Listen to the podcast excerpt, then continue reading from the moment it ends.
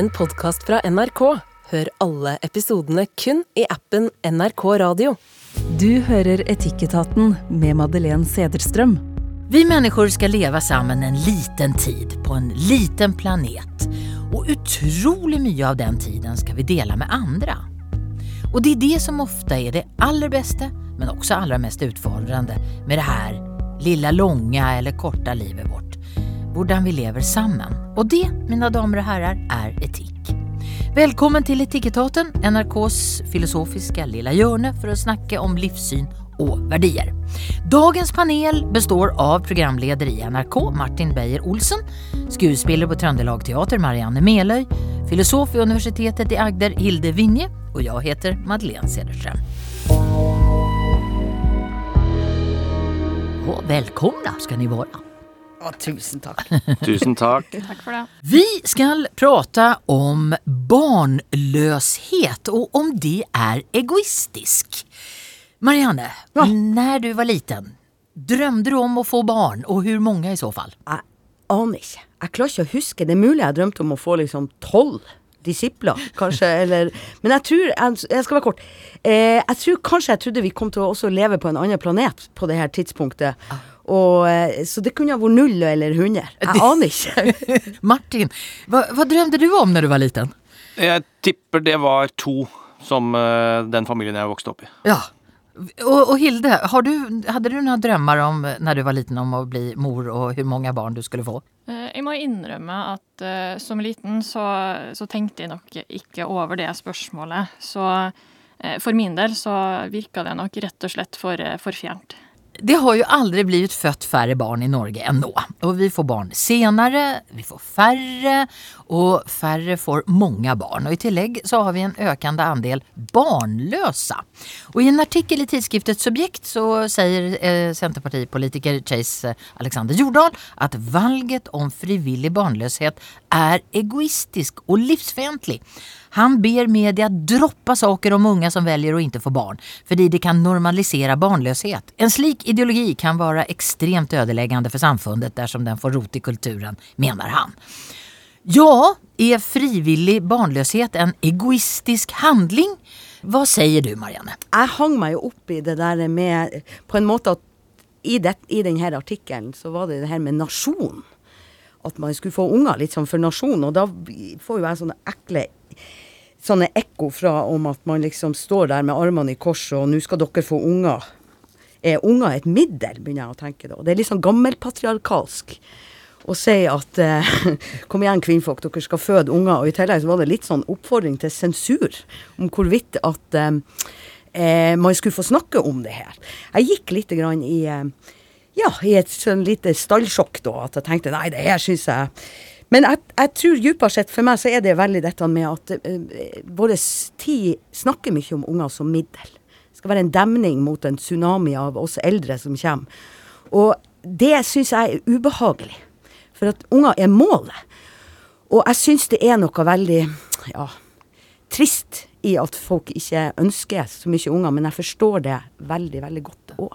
Martin, du står jo midt i bleiebyttarbeidertilværelsen. Gjør det. Mm. Hva, hva, hva, tenker ja. du? Ja, jeg tenker jo det er jo en behagelig tanke da, å ikke ha barn også. Eh, når man eh, sitter midt i det. Fordi det er jo veldig, veldig hektisk. Eh, samtidig så For min egen del så eh, merker jeg jo at dette det er jo en, et livet 2.0 som i hvert fall ikke jeg hadde sjans til å kunne forestille meg før jeg hadde barn, og det gikk fra dag uten barn til dag med barn, så er det to bare vidt forskjellige verdener. Så jeg syns det er ganske stort eh, personlig spørsmål, og grunnleggende sett så er jeg veldig opptatt av frihet eh, til å gjøre hva man vil. Så jeg, vil, jeg trenger ikke å konkludere med en gang, men det, jeg heller jo mot at det ikke skal ha noe med egoisme å gjøre, da. Men eh, konsekvensene, ja, det gleder jeg meg til å snakke litt mer om, for det kan jo Det ser vi jo eksempel i mitt elskede Japan, er jo Der går det jo eh, en spennende tid i møte, da, med veldig eh, få barn som blir født. Eh, og veldig mange eldre, selvfølgelig, som da kommer. Så det, det spørsmålet der Jeg syns det er mange lag i det spørsmålet som er eh, interessante. Hilde, er det egoistisk å være barnløs? Eh, mitt korte svar på det er nei, det er det ikke. Eh, og det har å gjøre med at hvis man skal svare ja på det spørsmålet, så hviler jo det ikke bare på en tanke om at det å få barn er verdifullt eller eh, noe moralsk prisverdig, men at det også bør være utgangspunktet for alle.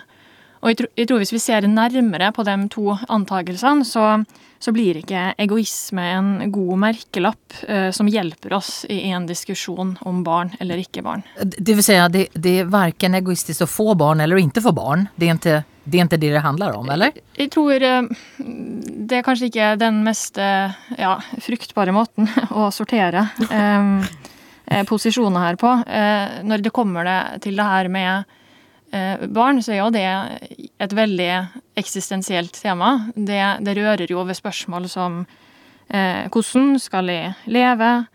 Hva er meninga med livet? Eh, hva er et godt eller eh, lykkelig liv, og hvilke ingredienser er nødvendig for, for, å oppnå det. Og det er ikke et klart ja-nei-spørsmål som sier at enten så er det egoistisk, eller så er det altruistisk. Jeg må også bare spørre deg, for at, eh, Fins det ikke en, en filosof, han Zapfe? Var det ikke han som sa at, at ingen burde få barn overhodet?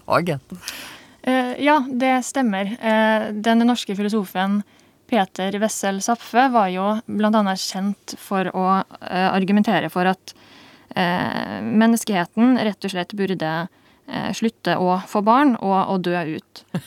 Og, og, for han så var jo det her knytta til en tanke om at livet, det er dypest sett tragisk. Og med det så mente han at mennesket har veldig sånn høyt utvikla Eh, intellektuelle evner som gjør at det har en naturlig interesse for å stille store spørsmål om livet, som hva er meninga med livet, finnes det en gud, osv. Eh, men så finnes det jo ikke svar på de her spørsmålene, og det fører da til en sånn eh, dyp frustrasjon som er så skuffende for det her intellektuelt redelige mennesket, ser han for seg, at livet rett og slett blir, blir uutholdelig.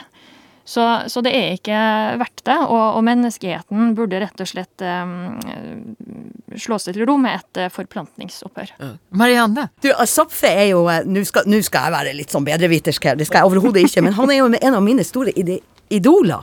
For han er jo, står jo også bak i alt det her tragiske den nordnorske humorkanoen som heter Vett og uvett. Og det her får ikke jeg til å henge i hop.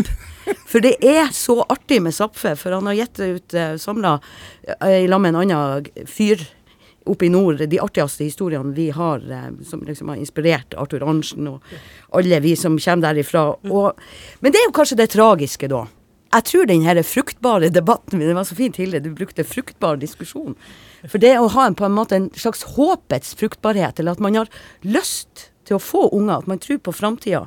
En slags åndelig fruktbarhet. Det er vel kanskje det òg man på et vis snakker om. Mm. Har vi håp? Og mm. håp uten noen slags form for handling er jo på en måte tomt. Og i det der tragiske og komiske, så tror jeg i det der Zapfe sin Det svarte, tragiske han har, så hva, hva, er det da som kan gi oss noen slags oppdrift? Og det, det er å gå og samle inn humoristiske stubber, kanskje, da, som han gjorde. Ja, Martin, eh, blev du, blev du, fikk du tro på framtiden eh, ja, jeg liker et mørkt framtidsbilde, altså. Men eh, jeg har håp, da.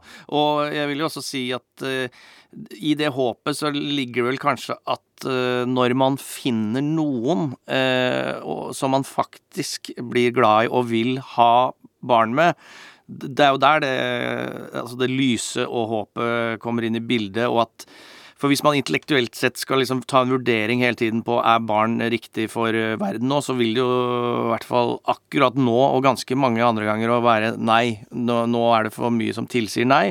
Men så koker det ned til at uh, vi to, uh, vi vil gjerne bidra til en lysere framtid. Så det er jo noe med det håpet der da, som går utover enhver intellektuell tanke som eh, jeg syns er litt fin å tenke på. i hvert fall. Ja, for, for, kan man få lov å stille det veldig personlige spørsmålet? Hvorfor ville ni ha barn, Martin? Uh, ja, det, ja, det jo Man finner jo noe man er glad i, og så blir man Hvis vi skal inn på kjærligheten, vet du, den gjør både blind og rar og dum samtidig. Så det er Man er jo full når man eh, tar de eh, beslutningene.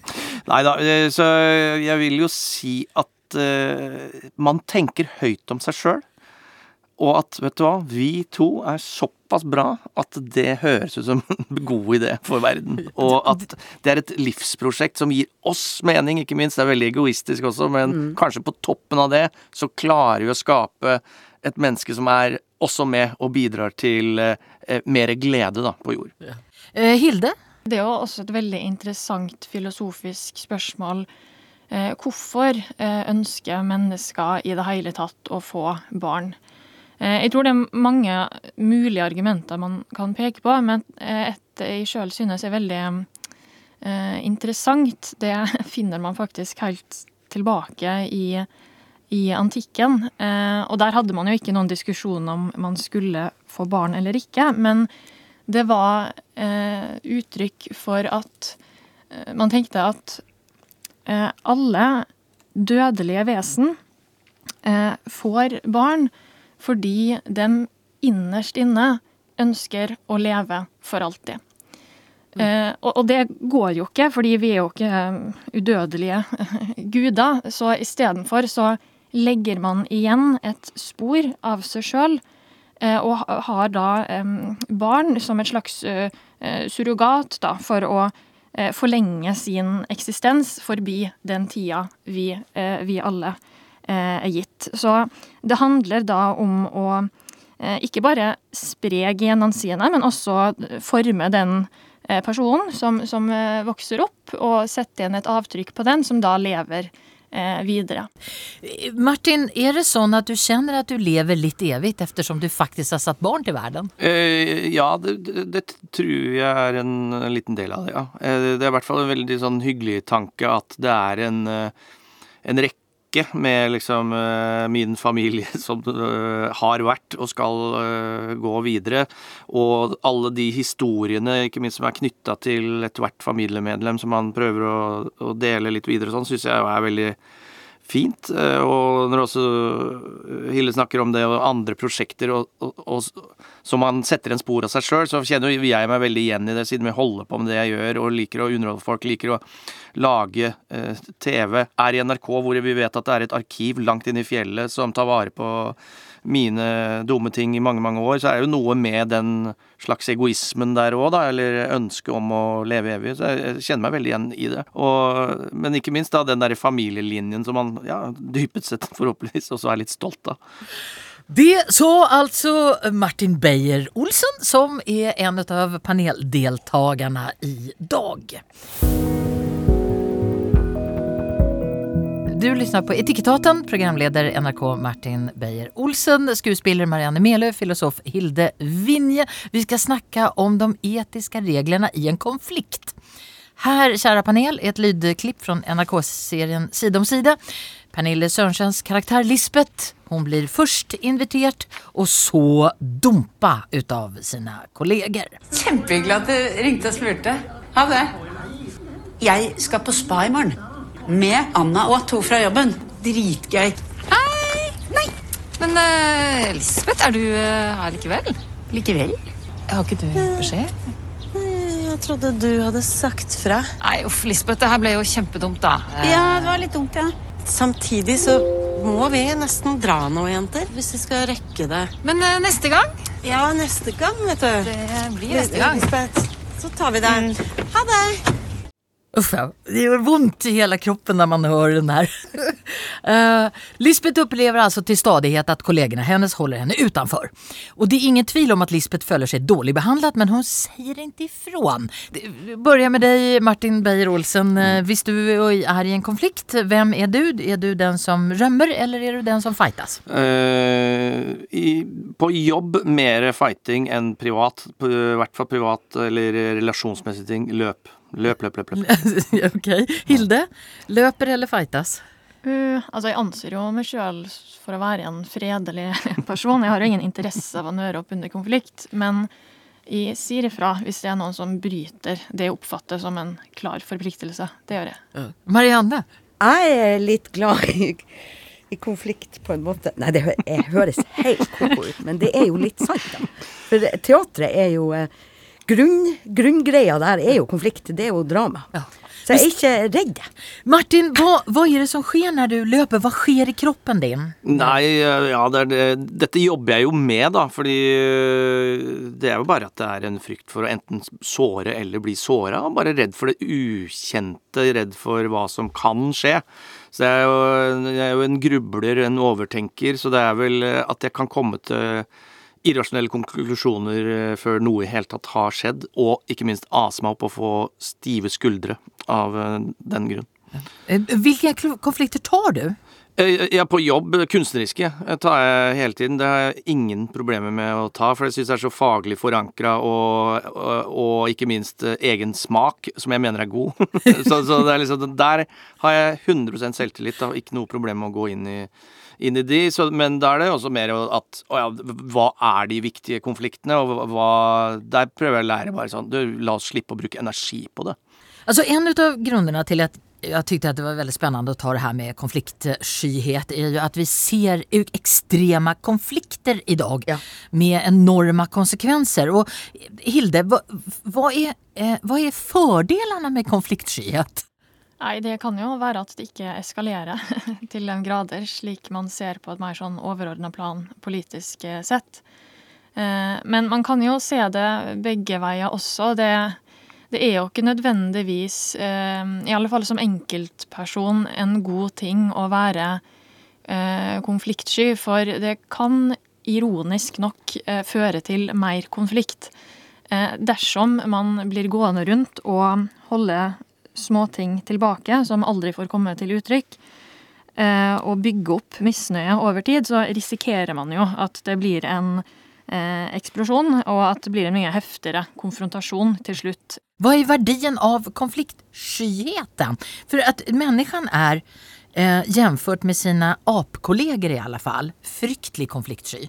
Alltså sätt tusen gorillor på samma, i, i, eh, på samma ställe och då, då blir det en förfärlig opplevelse. upplevelse. Men så har du bon, bono, hva heter bonobo-aper som har seg med hverandre med Ja. en gang det er stress. Precis, det Så hade ju också finns- varit lite jobbigt. ja, for å løse konflikter. Så. Antingen sex eller slåss. Ja. Men vi människor uppför oss ikke inte riktigt så, så vi är ju ganska konfliktsky i vår natur, Hilde. Är vi inte det? Det er kanskje noe ved at eh, idealet er kanskje å være taktfull, da, og kanskje kunne si ifra iblant, men da treffe riktig. Og det å risikere å ikke treffe riktig, og ha misforstått noe, og kritisere noen unødig, det, det, jeg tror nok for mange at det sitter inne mm, som en bekymring at man gjør det. Og det kan jo også være en god ting, fordi man kanskje har en viss toleranse overfor andre. Men hvis man gang etter gang eh, ikke makter å si ifra, så, så ender man jo opp med å bli lite handlekraftig. Det, det jo enklere å adressere ting man er misfornøyd med, eh, når man er i en rolle eller situasjon hvor forpliktelsene til folk er forholdsvis klare. Så i en jobbsetting så kan det f.eks. være ganske lett å si hva noens ansvar, ansvar er, eller ikke. I en sosial setting så kan det være vanskeligere, fordi det er mer uklart akkurat hva man kan kreve eller forvente av noen. Martin, har du blivit mindre konfliktsky med åren eller har du u- deg på det her? Mm, ja, det vil jeg nok uh, tro, men uh, jeg syns det er for, eh, i hvert fall for sånne som eh, meg, da, er jo at det er litt vanskelig å finne ut av alle sånne ting sjøl. og kan bruke kortere eller lengre tid på det. Jeg har en veldig, veldig god og fin kjæreste som er ekstremt god på disse sakene, så jeg prøver å lære så mye jeg kan eh, derfra. Men så vil jeg også si at det har jo også veldig mye med hvordan familie man har vokst opp i, hvordan temperaturen har vært der, og åpenhet, snakking, altså så, alle sånne tingene. Så jeg er jo ikke helt fremmed for å få disse tingene inn i skolen. altså, sånn, altså, sånn, altså bare sosiallære, hvordan være mot andre mennesker. Det snakker vi mye om i vår podkast som jeg har, er jo at vi vil ha et alternativt utdanningssystem hvor vi f.eks. lærer å si unnskyld. Det er én time i uka hvor vi setter opp caser eh, og, og, og, virkelig lærer det, og det mener vi jo. Vi har jo en, et glimt i øyet når vi snakker om det, men vi mener det jo litt også, for vi syns eh, vi kan bli bedre på det. Marianne? Det tristeste er jo når folk ikke snakker. Eh, for hva er det da? Da er det jo taushet og i det hele tatt. Det jeg prøver noen ganger å tenke, hvordan kan jeg gå inn i konflikter der jeg ikke mener jeg sjøl har rett? At man går inn i konflikter på et vis der man tenker at det her er for å finne ut av ting. Eller det å prøve å finne ut av i lag hvordan er det å være deg. Og det, i forhold til Martin, jeg syns det var veldig fint det du sa om at man skulle hatt en alternativ eh, skole, eller altså der, eh, det andre pensumet. Jeg tror jo Det fins jo i Nå skal dere høre noe skikkelig 70-tall. Det, det fins jo egentlig i dramafag. For at i leken holder jo unger på med det her. De krangler og leker, og så spiller man den som kriger mot den. Vi er jo Vi, vi trenger å på en måte øve oss på det like mye som man og også øve på å bli venner. For det gjør man også i leken eller i teatret. Eller man, vi trenger brett eller sånne scener eller rom der vi kan liksom tulle med konflikt også. Og ha forskjellige roller. Sånn at ikke alt blir så krenkende en til en. Jeg, jeg ser for meg nå, Martin at vi eh, efter det här programmet får NRK at ha sånne her kranglekurs der vi skal komme inn og ha teaterlek med, med folk. Oh, ja, ja. Tror du vi får til det? Ja, absolutt. Å få på noen kameraer på det, så har et uh, vinnende lørdagskonsept. så det kan ta over for Side om side. men, men alv alvorlig, altså, jeg har lyst til å være alvorlig på én ting. Demokrati er utenkelig uten å erkjenne at det finnes konflikter. Precis. Konflikter handler også om at det er urettferdighet i verden. Det er noen som er fattig. Det er noen som ikke har, får det, eh, de rettighetene de skal ha. Og det å være ærlig i forhold til dette, eller å, en, eh, å ha et, et, samfunn som klarer å puste, og også snakke om, om håp og hva er fremtida, og i stor grad snakke sant om det, men man trenger ikke å være så forbanna personlig. Tusen takk, Marianne, som altså er gjest i Etikettaten tillsammans med filosof Hilde Vinje og Martin Beyer-Olsen. Nu, kära panel, nu ska vi till en av världens mest berömda filmscener. Ta frem allt ni har utan näsdukar nu. Do you trust me? I trust you. Open your eyes. I'm flying! Jack. Ja, Kate Winslet står i baugen på Titanic med utstrakte armar. Leonardo DiCaprio håller henne. Det jeg har tenkt å ta i etikettaten er et klassisk dilemma fra Titanic. Fordi båten synker. Man må gå i livbåtarna. Men hvem får lov å gå före deg i trengselen? Eh, Marianne, hvem får gå lov å gå före dig? Eh, jeg har tenkt på eh, kvinner og barn. Eh, men nå er det jo også sånn at det er jo en del kvinnfolk som er sjøfolk. Må i hvert fall ha med én i den livbåten som er sjøvant. Som vet hvordan man skal styre båten? Ja, ok. Eh, Ma Mar Martin, båten synker. Hvem får lov å gå foran deg i båten? Uh, ja, da vil jeg være såpass raus og si i hvert fall barn. Og så vil jeg si uh, kvinner opp til 60. Ett utover det, så får vi klare oss sjøl. Hilde? Jeg tror jeg ville gått for forrang til dem som var mest eh, sårbare. Eh, ville nok eh, inkludert barn, men kanskje også eldre, eller hvis noen var syke, f.eks. Ja.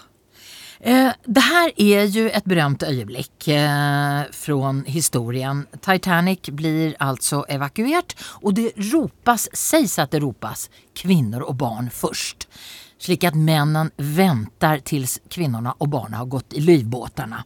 Just i Titanics fall så var det flest kvinner og barn som överlevde. Men rart nog så finns det ingen formell regel om vem som skal ombord i livbåtarna først og vem som skal vente. Det här är en slags överenskommelse, en slags oppfatning vi har i huvudet. kvinner og barn først. Eh, Fins det en etisk grund til å redde kvinner og barn först? Jag börjar med dig Hilde. Eh, Det kan vi se for oss, men grunnene vil jo være ulike da, for eh, kvinner og barn. Eh, Barn har jo både mer å tape og å vinne i, en livstruende nødsituasjon, i den forstand at de er jo så små, de har mer ubrukt liv enn det noen som er i voksen alder har. Eh, og sånn sett så, så ville de gå glipp av mer da, hvis de skulle miste livet. Mm. Eller, eller hvis de skulle bli skada, så må de antageligvis leve med den skaden lenger. Um, eller en større del av, av livet sitt. Så det fins en, en etisk god grunn til å la barnet gå først? Eh, Det finnes mm. argumenter som, som peker i, i den retning. Uh, når det kommer til eh, kvinner, så, så eh, kan man jo se for seg OK, da eh, hvis det, hvis det er noen sånn relevant egenskap da, ved kvinner som gjør at de har dårligere sjanser til å eh, komme seg fra det her, så, så kunne man kanskje foreslått det. Men eh, kan vel egentlig ikke helt se eh, det da, i, i en sånn her eh, setting. Eh, eh, det å vurdere noens helsetilstand eller alder vil kanskje gi bedre forutsetninger for å si noe om hvem som har eh, mest å, å tape, og kanskje hvem som har best eh, sjanser til å klare seg uten hjelp. Marianne? Jeg, jeg sjekka jo det her litt, da. For det var i Titanic så var det jo Det, det her var vel på forskning.no med at eh, kvinnfolk sine klær gjorde det vanskeligere å overleve. Og mindre svømmeundervisning. Dette stemmer jo ikke nå. Vi går vel både i benklær og hva det nå er. Og jeg klarer ikke å diskutere dette uten å se for meg eh, båtflyktningene i, i Middelhavet. Eh, og for vi er jo også et samfunn som sier liksom at eh, vi burde ikke ta dem. Det er jo de, de som sier det, at båtene burde ikke ta de opp engang. Vi skal ikke ens rädda dem. Eh, Ja, nei, ja, sånn, nei. sånn, at, sånn at når man begynner å, å Ja. Ja. det grunn, den grunn Det syns jeg er veldig sånn etisk viktig å slå fast. Enhver burde berge mennesker i nød. Det, det må være en sånn grunnetikk, da. og oavsett om de er menn eller kvinner eller barn? Eller barn Mm. eller passasjerer. Eller, altså, vi må alle gjøre hva vi kan for å berge folk. Eh, ellers er det uutholdelig. På et vis. Men jeg forstår, eh, i dette så er det jo eh, eh, antall livbåter. Så jeg vil jo si at hvis jeg skulle konkludere, de som kan svømme, eh, og få seg en planke eller noe sånt, eh, dit prioriterer vi ikke Det, det, det, det är svårt att, att ta det, veta det i, eh, där och då. Martin, du sa att du kan tänka dig att släppa eh, barn och kvinnor upp till 60 foran i livbåten. Okej, du får höra dina argument. Vi må ha litt kontrovers inni her også. Konflikt. Eh, litt konflikt inni her. Nei, eh, selvfølgelig sagt med glimt i øyet. Det må Jeg, ble jo veldig inspirert av det Marianne sa nå, at det er, folk. Vi må, vi må heller skape systemer i disse båtene som driver og synker, eh, som redder alle. Eh, Absolutt. ikke- at Det er vi enige i. ja, at, at det er systemene som må bli bedre. Eventuelt billetten du har kjøpt. eh, Inneholder det en redning, eller er det klasse C, den lavere klassen, som da ikke har råd til å bli redda? Det er et kapitalistisk argument, ikke sant? Så, Ja. Men så tenker jeg, er du 60, enten om du er mann eller kvinne, så har, da skal du være fornøyd. Eh, og hvis du da i hele tatt er på en båt og hygger deg, og det skulle gå gærent, så vet du hva, da må du se tilbake. Da må du gå inn, høre på bandet, Ja. og gå ned sammen med det. Og vet du hva, ha, ha et god stund for deg sjøl. Vet du hva, det var et sier, langt og rikt liv. Ja, og så sier jeg takk for turen. Tusen takk for turen. Vi ønsker de unge eh, lykke til videre på vei. Men det, eh, finns det, kan det, det, det, tr- det tror jeg også. det er et det är väldigt vackert bild. Jag tror det, jag har just bikka 60, Jeg tror jeg kommer å gjøre det. Så, så, så det er så. Men eh, fins det noe godt argument til hvorfor det er just kvinnene som, som, som skal, skulle gå i livbåtene først, til det, annet enn at de hadde tunga klær og kanskje drunknade snabbare og ikke hadde svømmeundervisning? Eh, Eh, nei, altså man kunne jo kanskje sagt at eh, kvinner var mer verdifulle enn menn, men det er ikke noe jeg vil stå for. Og jeg tenker at det, det, det holder kanskje ikke eh, på noen som helst måte her, da. Men eh, jeg tror nok denne regelen virker jo å, spille på et sånn gammel ridderideal, at det er en mann som da er forventa å ofre noe og innta rollen som helt. Eh, og det idealet eh, tror ikke jeg nødvendigvis er liksom forankra i en eh, klar moralsk posisjon eller overbevisning eh, som man nødvendigvis vil overta da, eh, i, i dag. Jeg, jeg veit nok ikke helt om det idealet eh, står seg. Åpenbart trenger vi helter, men at det skal være en forventning basert på skjønn, det er kanskje ikke så klart. Det, och, och så må vi ta med lite fakta här. För det, det är väl kanske mera undantag än det är regel att det är kvinnor och barn först i till exempel ett båtförlis. Det är två svenska forskare som har tittat på det. De har genomgått 18 stora sjökatastrofer från 1800-talet till idag. Och de visar att kvinnor jämt över har halvparten så stor chans för att överleva som män. Och för barnen så är oddsen ända dåligare. Eh, Så det är en myt att sjöfolk eh, räddar kvinnor och barn först. Och faktiskt så är det till och med så att i nio utav de här 18 eh, sjöfartskatastroferna så överlevde manskapet eh, oftare än vad passagerarna gjorde. Så eh, det här med kvinnor och barn först, det existerar bara i chevaleresk eh, minne på Titanic och i filmer. Hilde, här har vi en, en stor diskrepans mellan vad som är eh, uppfattningen om kvinnor och barn först och vad som är verkligheten. Eh, Det är intressant att, att titta lite på.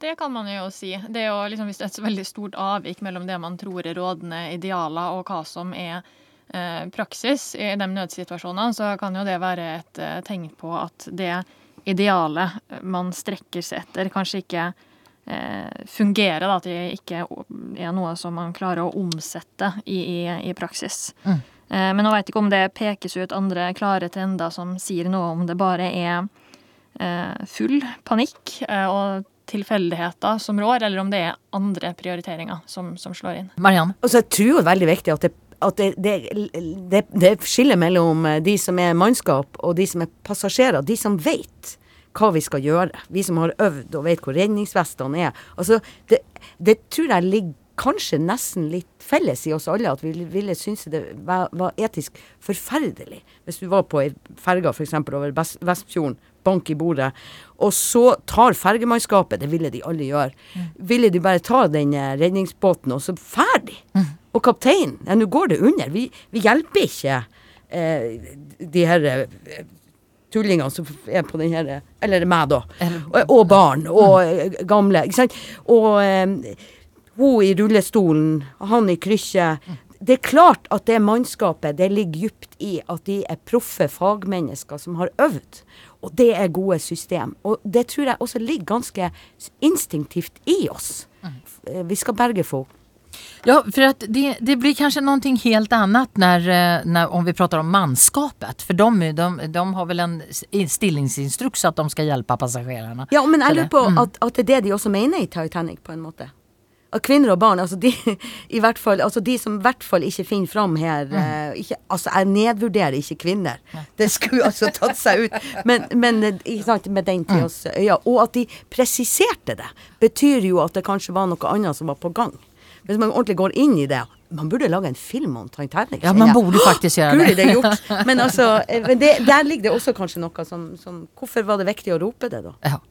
Ehm, eh, Martin, eh, ser du noen sånn der klar fordel med å, å, at kvinnene skal eh, räddas före männen? Ja, jeg tror vi skal tilbake til eh, forplantningsaspektet her, altså. Hvis vi skal ha verden til å helt tatt gå videre, så er det ja, si tre menn da, og resten kvinner og barn. Da da har vi, da kan verden gå noen eh, år til. Det her, det her er jo en variant av det klassiske sporvognsdilemmaet som vi hadde for noen eh, episoder siden. Hvem skal man redde først, og hvem er mest verd? Og det fins vel egentlig ingen, eller gjør det, fins det noe slags svar på den spørsmålet? Eh, altså det er jo mange likheter mellom det her eh, sporvognsproblemet, hvor man ser for seg at én person står ved togskinnene og kan pense over et eh, tog som kommer eh, rasende av gårde, over på et annet spor, og så gjøre at det kjører over færre mennesker enn det det ellers ville gjort.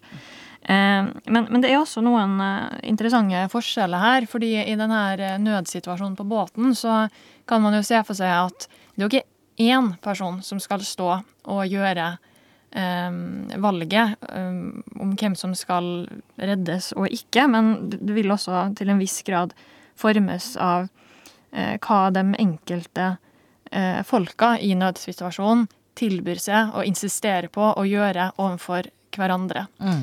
Eh, så jeg vil jo si at ens moralske karakter eh, kommer mer til syne i eh, nødsituasjonen på båten. Fordi da kan man se dem andre, foreta en vurdering, og så reflektere over OK, er det jeg som skal gå først, eller er det andre hensyn som taler for at andre burde gå foran meg? Mm. Um, så det er ikke nødvendigvis bare et spørsmål om hva er rett og galt, men det blir også et spørsmål om Eh, skal jeg være en modig person? Skal jeg være sjenerøs, raus? Eller i, akkurat den settingen? Og da er det ens karakter som også spiller inn. Då, då, det, den sätts på prøve i dette øyeblikket når du måtte ta det valget? Det kan man si, ja. Og så skal man leve med det valget etterpå. Så skal du leve med det resten av ditt liv? Jeg dytta ut mm. Eh, bestemor. Et, et, bestemor og et par tvillinger for at jeg sjøl Og hvis jeg da er et, en narsissistisk eh, person, så Ja, det var kjempebra. Den sterkeste rett. Nå skal jeg på øya, og så skal jeg formere meg, og så skal jeg få kvinnfolk til å Jeg blir plutselig en mann nå. Føde masse barn og føre og håpe videre, og så skal jeg holde de i, i hardt autoritært regime. Det blir kjempegreier. Men kanskje blir narsissist av en sånn der? Nei, jeg tror at uh, jeg har mer Nå har jeg håp. Jeg, jeg, jeg har tro på at vi alltid har eh, ønska å berge flokken vår. At, og det er de som har klart å berge mer enn én, som har blitt de som har gått videre i evolusjonen, altså oss. Martin, visst hvis de her gentlemännen gentlemennene med snurrbart hade hadde befunnet seg på Titanic i dag, hvordan hadde de, hvordan hadde de agert? Og da tror jeg de hadde villet godt først.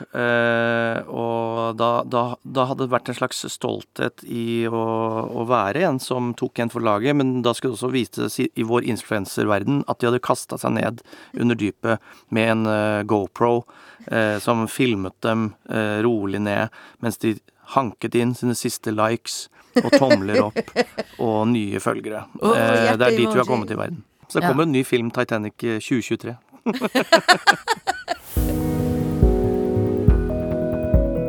Du lytter på Etikettaten, programleder i NRK Martin Beyer-Olsen, skuespiller på Trøndelag Teater Marianne Meløy, filosof ved Universitetet i Agder Hilde Vinje.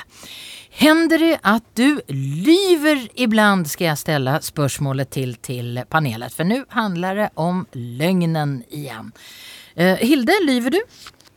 Uh, kommer nok an på hva man legger i begrepet, men det skjer nok sikkert nok at det tyr til en hvit løgn. Uh, I alle fall hvis det er snakk om å være smidig, sånn rent eh, sosialt. Martin? Ja, det, jeg vil også gradere det. Altså, en full on løgn har jeg ikke gjort på en stund, men eh, ja ja, altså vridninger av sannhet og, og sånn. Absolutt. Ja, Marianne? Lyg mye til meg sjøl. Lyg også hvit, eh, grønn, blå, rosa, brune, forskjellige løgner. Det er jeg sikker på.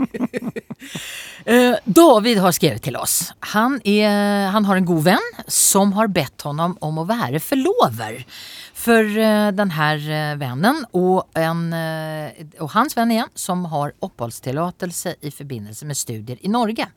Motivasjonen for denne vennen er å hjelpe sin kamerat til å kanskje få lov å bli i Norge. De har ikke tenkt å leve som ektepar, men de trenger et vitne som kan skrive under på vielsespapirene, og da har de spurt David. Davids spørsmål til etikettaten er om han bør si ja til noe som i utgangspunkten er en løgn. For å da redde kameraten, eller for å hjelpe kameraten. Eh, Marianne? Mm, kort svar nei. Nei, hvorfor ikke? Nei, jeg Det jeg, åh, jeg, jeg, har litt lyst til at det, sånt skal være basert på noe sant, og så får ikke jeg helt inntrykk av at dette er gjort av nød, liksom. Martin, hadde du skrevet under? Eh, ja, kanskje. Eh, det, her er det litt på ja, relasjonen som man har, og Men hvis det er sånn det er null nød involvert, så, så er jeg også veldig forkjemper av de systemene som vi har, at de fungerer, og at det er en grunn til at de fungerer. Og vi har veldig mye tillit til våre systemer i Norge, så det ville jeg gjort. Hadde det derimot vært i et land hvor systemene og myndighetene ikke fungerer så godt, så hadde jeg mer tilbøyelighet til å være i opposisjon mot de. Da tror jeg gladelig hadde gjort det som en, eh, en resistanshandling. Ja. Hilde? Eh, I utgangspunktet så er jo det å lyge ikke noe moralsk prisverdig. Men man kan jo argumentere for at det i noen situasjoner eh, man kan, eller kanskje også bør, lyge hvis det er veldig mye som står på spill. Så jeg ville nok eh, vurdert motivasjon eh, som denne kameraten hadde til å inngå et slik eh, proforma ekteskap. Eh, For det ville jo være en stor forskjell om det var snakk om at han var motivert av å få en stor pengesum, eller om Ja. det var snakk om å hjelpe en nær venn eh, som er i en eh, veldig fortvilt eh, situasjon. Ja, altså, hvilken, hvilken, forskjell, hvilken etisk forskjell er det der? La oss si da at eh, den her eh, kameraten hadde en venn som hadde en oppriktig god grunn til å skulle komme seg til Norge. Noen som ikke hadde blitt trodd på av det ordinære systemet, og som ellers ville eh, bli sendt til et land hvor eh, ja, homofili blei straffa med fengselsstraff fengselsstraff eller dødsstraff eller noe sånt. Da syns jeg at man burde Det ville være litt for rigid å insistere på at eh, regelverk, det juridiske regelverket er sånn, og derfor kan ikke hjelpe det. Man må foreta en vurdering på eh, hva slags forpliktelser man da har overfor sin venn. Eh, Men selvfølgelig, det gjelder da den personen som gifter seg med noen andre. Eh, Vitnet må jo også da ta i betraktning eh, hvor nære er i min kamerat, hvilke forpliktelser har jeg overfor den personen. Og det kan faktisk handle om denne personens liv eller død. Er det, er det riktig å bryte regler da? Det er jo ikke alle som ville i filosofien gått med på det. Um, For eksempel så ville jo kanskje en eh, kantiansk pliktetiker legge vekt på at eh, re handlingsregelen som da ligger til grunn for det vi gjør, må kunne uh, være en allmenn regel uh, og være uh, universell. Eh, og det er rett og slett ikke forenlig med løgn, fordi eh, det ville jo totalt eh, undergrave tilliten vi har til hverandre, og vi ville ikke lenger tro på eh, hverandre. Så kantian hadde sagt du må endre systemet. Du Eh, kan tror ikke lyve? Ja, jeg, Mm. ikke jeg ville gått for, eh, for noen eh, løgn. Martin, hva, hva er din magkjensle her? Nu, nu står det virkelig noe på spill. Ja, da hadde jeg gjort det gladelig. Hvorfor? Nei, for å hjelpe, da. For å være et godt menneske. Og for eh, da I hvert fall noen jeg har en eh, slags relasjon med. Så kan man også si sånn Ja, jeg var et vitne i et uh, ekteskap. Hva vet jeg? Jeg så to stykker som gifta seg. Det er lett å snakke seg ut av det greiene der. Marianne, nå står det noe på spill. Ja. Nå er det ordentlig illa. Ja. Jeg, jeg, jeg føler akkurat samme. Da, da, du hadde skrevet under da? då? Japp. Inga problem. Skrevet under i blod.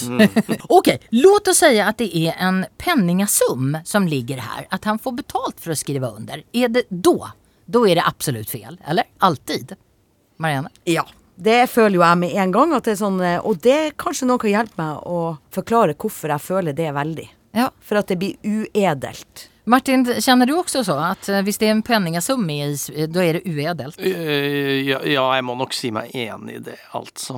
Ja, ja Hilde, hvorfor føler vi denne dissonansen? Altså, vi kan jo se for oss at vi har to eh, situasjoner hvor utfallet er det samme, og i begge situasjoner så eh, inngås det et eh, proforma ekteskap. Men så er motivasjonen ulik. Og det å la seg motivere av eh, pengegevinst, det er nok eh, noe som mange vil tenke avslører eh, et karaktertrekk som ikke er moralsk prisverdig. At man setter f.eks. Eh, penger høyere enn å opprettholde tilliten til et eh, system. Mens hvis det derimot motivasjonen var eh, å hjelpe en eh, platonsk venn i en eh, fortvilt eh, livssituasjon, eh, så handler man eh, til det gode for et annet menneske. Så man setter mennesket før, eh, før pengene. Godt sagt Hilde. Programleder i NRK, Martin Beyer-Olsen, skuespiller Marianne Meløy og filosof Hilde Vinje er panelet i Etikettaten i dag. I katolsk lære snakker man om de syv dødssyndene. Det er hovmod, grådighet, begjær, misunnelse, fråtseri, vrede og latskap. Og vi i Etikettaten vi har pratet om de her dødssyndene. Vi har avklarat hovmod, misunnelse begjær. I dag er vi framme ved latskap. Martin, er du en flittig maur eller et dovendyr? En god blanding av begge, men eh, en slags konsekvens at jeg er veldig flittig maur, har jo vært at man ble utbrent, da. Så eh, ja. Jeg syns det har store konsekvenser å være for flittig. Ja. Eh, flittig eller dovendyr, Marianne Kort? Jeg er et åndemenneske. Og det betyder? At det er liksom slått av. Eh, og, eller altså, nå jobber vi hardt, og så er det skikkelig ligge under treet og hvile ut. Eh, Hilde? Eh, En miks, vil jeg si. Jeg går inn i arbeid med engasjement når jeg synes det er eh, viktig eller genuint interessant, men arbeidslysten den kan nok gå raskere tapt hvis det er ja, eh, type papirarbeid, regnskap, rapportering, byråkrati. Da, da er jeg ikke lenger noen flittig maur. Jeg tror alle kjenner igjen seg der. Ja. Eh, arbeidslinjen har jo vært et eh, mantra i eh, lang tid. Og eh, vi ser jo for oss at latskap er noe meget negativt. Eh, Hilde, hvorfor er just latskap en av de her syndene? Eh, Jeg tror hvis vi tenker at latskap er et eh, karaktertrekk, så er det ikke noe eh, moralsk prisverdig. Og da har det noe å gjøre med at det karaktertrekket innebærer at man har manglende arbeidsvilje eller tiltakslyst, og at det skinner igjennom i alle situasjoner hvor det er snakk om å anstrenge seg eller gjøre en, en innsats. Martin, du har jo kjent det her på kroppen, for du skulle ha vært mer lat, helt enkelt, eller? Ja, absolutt. Det burde være det. Og der tenker jeg jo at eh, det er litt det samfunnet vi har eh, klart å vokse fram, er jo at det er ja, det er så prisverdig, da, å være busy og være og gjøre ting, og, og ikke minst late som man uh, gjør ting overfor andre. At det er en slags fasade inne i bildet òg. Så jeg, jeg skulle veldig gjerne uh, vært lat og jobba smartere uh, så, og skjønt dette trenger jeg å gjøre. Dette skjønner jeg, dette trenger jeg virkelig ikke å gjøre. For- Under det treet. Ja, for hva var det som skjedde med deg? Nei, det er bare at øh, jeg øh, jobber mye, liker å ha mye øh, i kokeren, i pipeline av arbeid, og ikke minst kommer fra vårt oppdratt med at jo, jo, vi jobber hardt, det er status å jobbe hardt. og og brukt ofte liksom sånn Jo, jo, men han er veldig flink til å jobbe. Har gått igjen masse hjemme hos oss. Jo, jo, han er, han er veldig god til å jobbe. så det er jo da Nå har jeg et annet syn på det. Å ja, er han helt idiot, eller? Han må jo stoppe å jobbe. For du, for du kom til en punkt når, når du ble nesten båret ut av scenen. Ja, mot nesten krabba, for å si det med, med det bildet der. Og, eh, og, og, og ja, skjønner jo da at man har ikke prioritert riktig, og man har ikke skjønt hva som egentlig er eh, viktig. Så jeg er jo i en nå veldig sånn læringsprosess eh, med det der òg, som jeg koser meg veldig med. Og hvor jeg setter pris på latskap. Så jeg vil jo slå et slag for latskapen, jeg. Mm. Og Marianne, jeg vet at du også vil slå et slag for latskapen. I hvert alle fall periodisk latskap. Jeg porrer opp rotten iblant. jeg, jeg kommer jo fra et uh, småbruk, Og der er det jo mye årshjulet som bestemmer.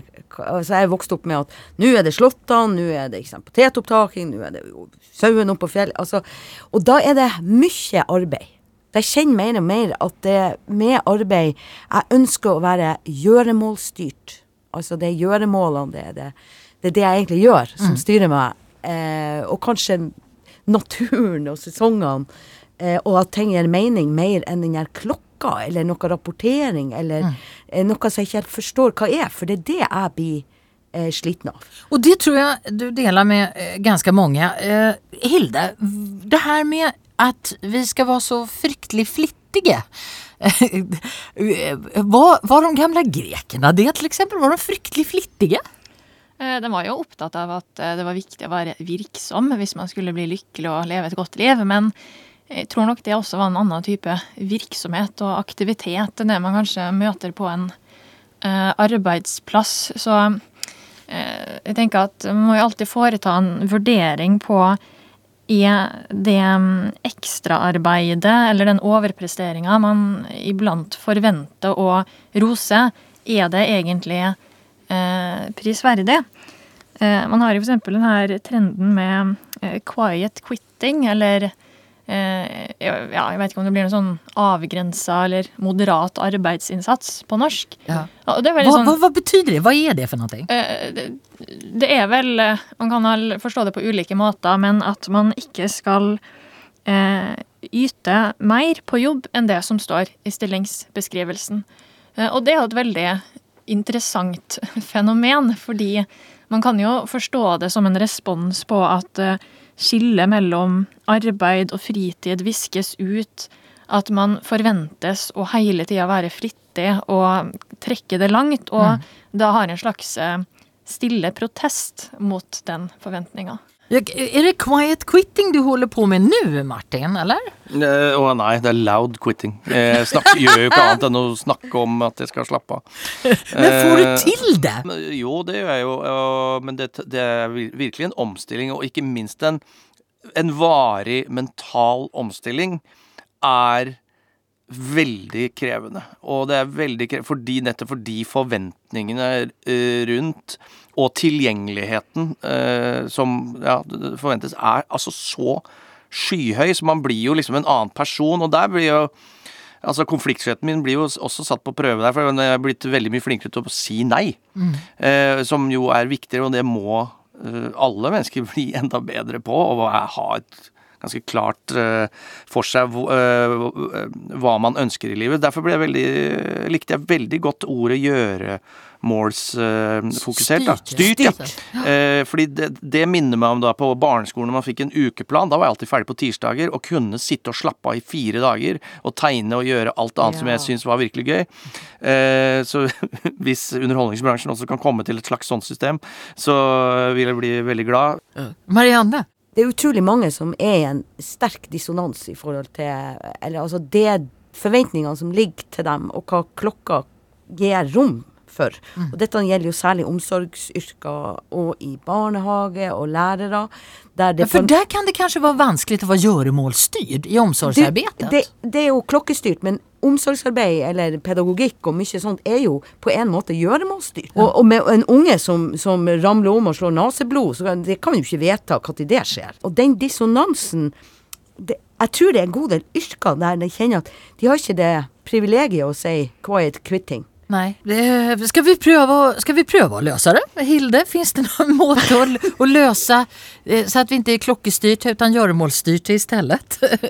och att det gjelder alla? Jeg tror jeg- Det vil jo selvfølgelig variere eh, sånn arbeidsbetingelsene man er gitt, men det som kan være det mulige minuset her, eh, hvis man skal gå inn for en sånn eh, redusert eller minimal arbeidsinnsats, det er at det slår jo også dårlig ut hvis man jobber et sted hvor det er viktig med kollektiv eh, innsats, og hvor det er tillitsbasert arbeid. Eh, Det vil jo være veldig individorientert å minimere sin egen innsats eh, eh, til så lite som mulig. Så eh, hvis man eh, inngår som en del av et fellesskap, så er det kanskje en litt eh, eh, mer betent sak å trekke seg tilbake på den måten. Eh, Så kommer jo veldig an på hva man i utgangspunktet er satt til å gjøre. Mm. Och så, så att det, det du prater om nå, det kan være en av grunnene til at det er en dødssynd å være lat. Det er at man da i et kollektiv f.eks. overlater da arbeidet og ansvaret til andre? Eh, Ja, at det kanskje ikke er så veldig solidarisk eh, å, trekke seg eh, unna med et minimum.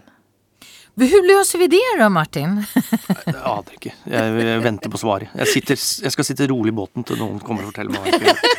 Vi skal berge deg! Ja. Men har du, du, du som faktisk har kjent det her på kroppen, hva, den her dissonansen som du står i med vilja være flinkis men faktisk var tvungen å være en litt eh, loud quitter som du kaller det for.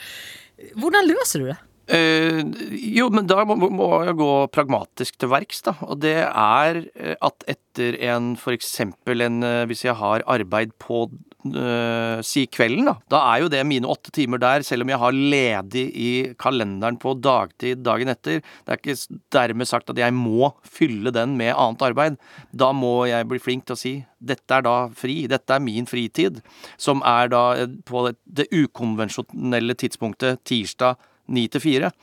Eh, så det er jo sånne typer bare praktiske tiltak, altså. Og da, når du gjør det, eh, hva koster det deg da? Er det, er det litt skamlig, Ja, eller? skam, ja, ja, ja. Masse skam, masse Bare den derre Det er en grunnleggende ryggmargsfølelse at eh, nå burde jeg egentlig jobbe. Alle andre jobber nå. Eh, Så absolutt, for min del, eh, masse, masse, masse eh, skam involvert i det. Og det jobber jeg også med å bli kvitt. Ja, og det er ikke dette noe sånn der Martin Luthersk kombinert med noe sånn kalvinistisk sånn der Vokst opp med at du må jo nøtte tida. Man kan ikke sitte i en stol uten å gjøre håndarbeid. Det ligger ganske kraftig i vår kultur. Og så da er det jo deilig innimellom å tenke at latskap er rota til mye godt. Altså det eh, å ta seg inn.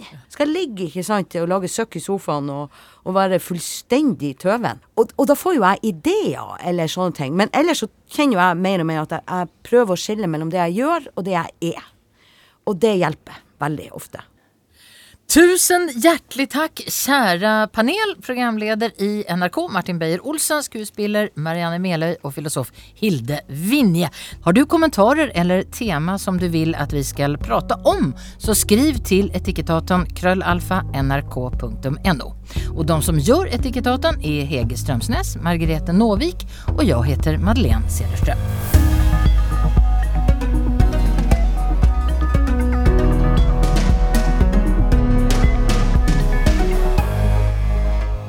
Du har hørt en podkast fra NRK. Hør alle episodene kun i appen NRK Radio.